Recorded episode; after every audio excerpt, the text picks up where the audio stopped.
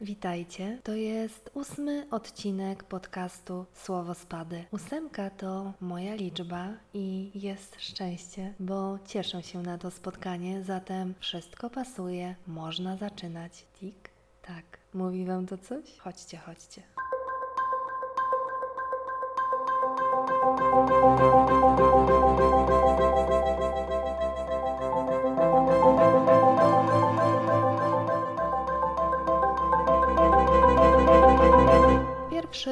Studiów, pierwszy semestr, może był to nawet pierwszy dzień tego etapu nauki. Na pewnych zajęciach, pamiętam jak dziś, takich wprowadzających w studencki tryb funkcjonowania, przynajmniej w murach uczelni, bo i działo się niedługo później i poza nimi, ale w to już nikt nikogo wprowadzać nie musiał sami wprowadzaliśmy się w te różne stany skupienia. No więc na tych ćwiczeniach dla świeżaków o mapach myśli i tym podobnych usłyszałam po raz pierwszy, choć przecież uskuteczniałam znacznie wcześniej i z lubością praktykuję już świadomie do dziś o tej metodzie. A chodzi o płodozmian tematyczny. Nie mylić z systemem gospodarowania roślinami, zresztą te dalej są mi tajemnicą, choć współzajmuję się od niedawna drzewem oliwnym i chyba zaczynamy się lubić. Zresztą z tą oliwką to spotkała mnie jakaś taka absurdalna historia, bo gdy pojechałam po nią, trafiłam wprost do lasu palmowego, jak okiem sięgnąć.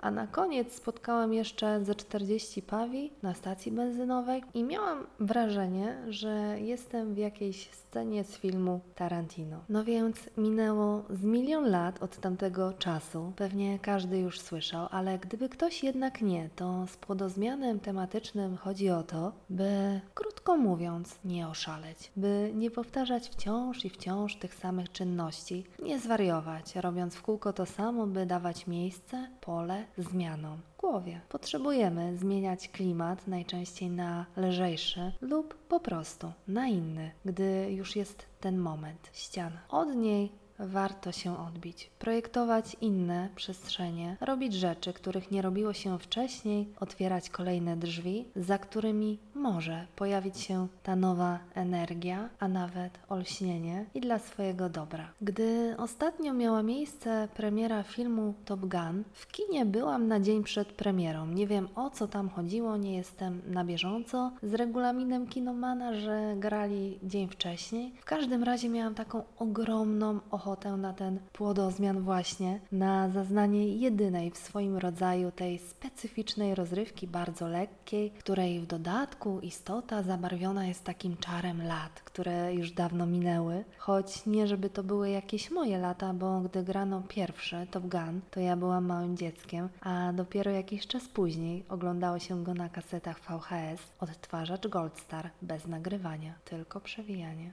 Jak wiecie, ten podcast jest nieco popkulturalny, stąd o filmach czasem coś powiem, szczególnie, że ta popkultura to trochę na nostalgii jedzie i choć jesteśmy teraz, to przecież trochę z doświadczeń i ze wspomnień poskładani. Ale o sequelu Top Gun powiedziano już wiele, a że nie bywam tu na gorąco, temat już siadł, więc krótko, ale chcę powiedzieć, ten film ma wszystko czego w rozrywce trzeba. Trochę patosu, niewymuszonego humoru, kultowej mody i świetne efekty, które z pozycji sofy nie byłyby takie fenomenalne, więc warto zobaczyć w kinie. Fajnie, że poszłam, bo w dobie streamingów bywam nieczęsto. Z jednej strony film ten spełnił moje oczekiwania, czego chcieć więcej, z drugiej jednak czegoś mi zabrakło. Bez sensu, wiem.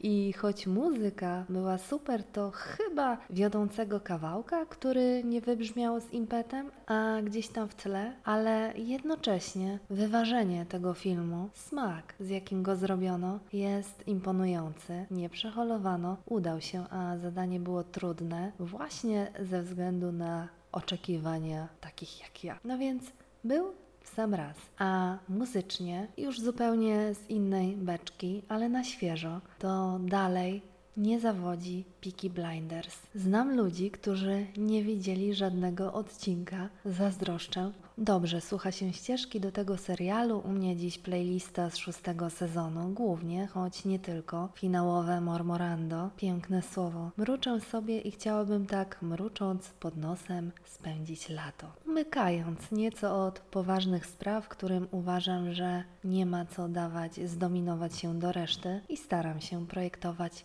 lekkie dni. Tak jak swobodnego kina potrzebuję też muzyki na żywo. Stęskniłam się, a tuż za rogiem czają się już koncerty. To nastraja. Zamierzam szybciutko nadrobić w takim moim moim nazwijmy to okienku pogodowym. Bilety na jeden z nich kupiłam na kilka miesięcy przed COVID-em, także wyczekany na maksa. Drugi zresztą też, bo bardzo długo śledziłam plany artysty, który wkrótce zagra w pobliżu. No może nie za najbliższym rogiem, ale za najbliższą granicą. Także powiem Wam wakacje. Czas na czerpanie D3 dla ciała i momentów dla ducha. Bardzo liczę na to lato, nawet jeśli rysuje się słodko-gorzko, ale kto wie, no nikt. A jak już przy gorzkim jesteśmy, to przypomniało mi się, że zachowałam ziarenko gorczycy z fantastycznego spektaklu Gusła, ale nie opowiadam, kto by dziadów nie znał. A rzucano tam gorczycą w widownię. Jedni łapią piłkę meczową na stadionie, mi przypadła gorycz z teatru. Niech będzie. Trzymam ziarenko w dłoni. Złapałam gorczycę tak jak łapię dobre chwile. Ważą tyle samo. Ale liczę naprawdę na taki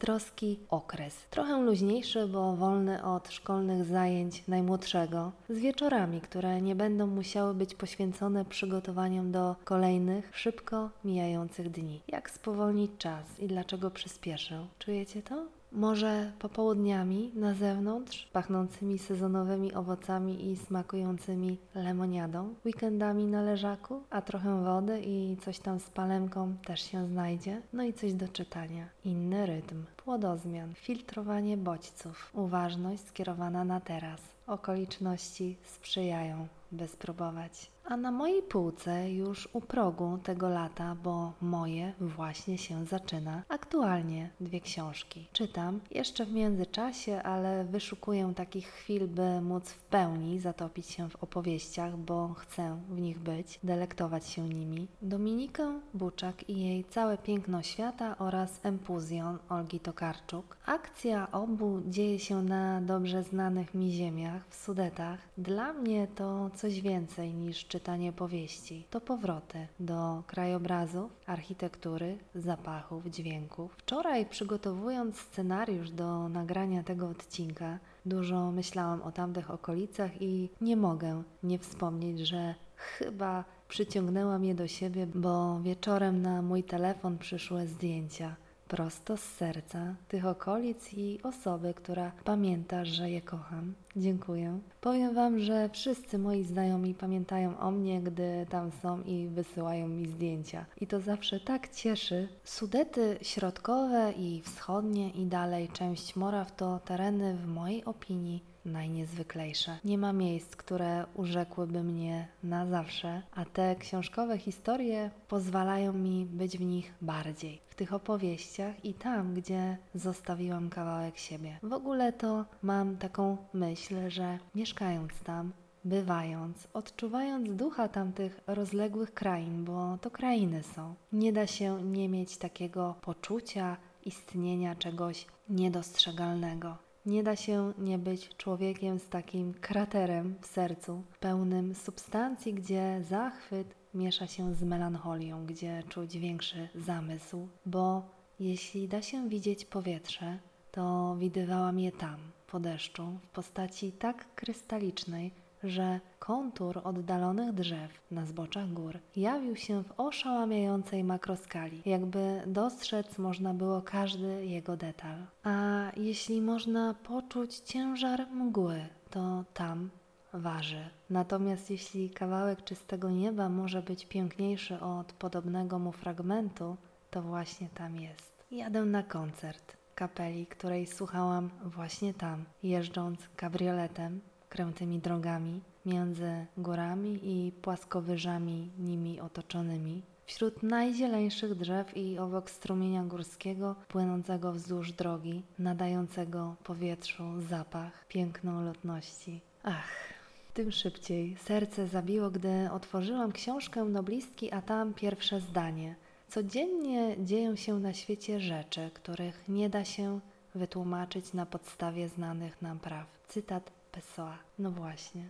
Tymczasem prawa fizyki i innych nauk ścisłych wydają się nieubłagane. Matematyka, mechanika, astronomia, te wszystkie nauki interdyscyplinarnie musieli posiąść zegarmistrzowie, by konstruować zegary.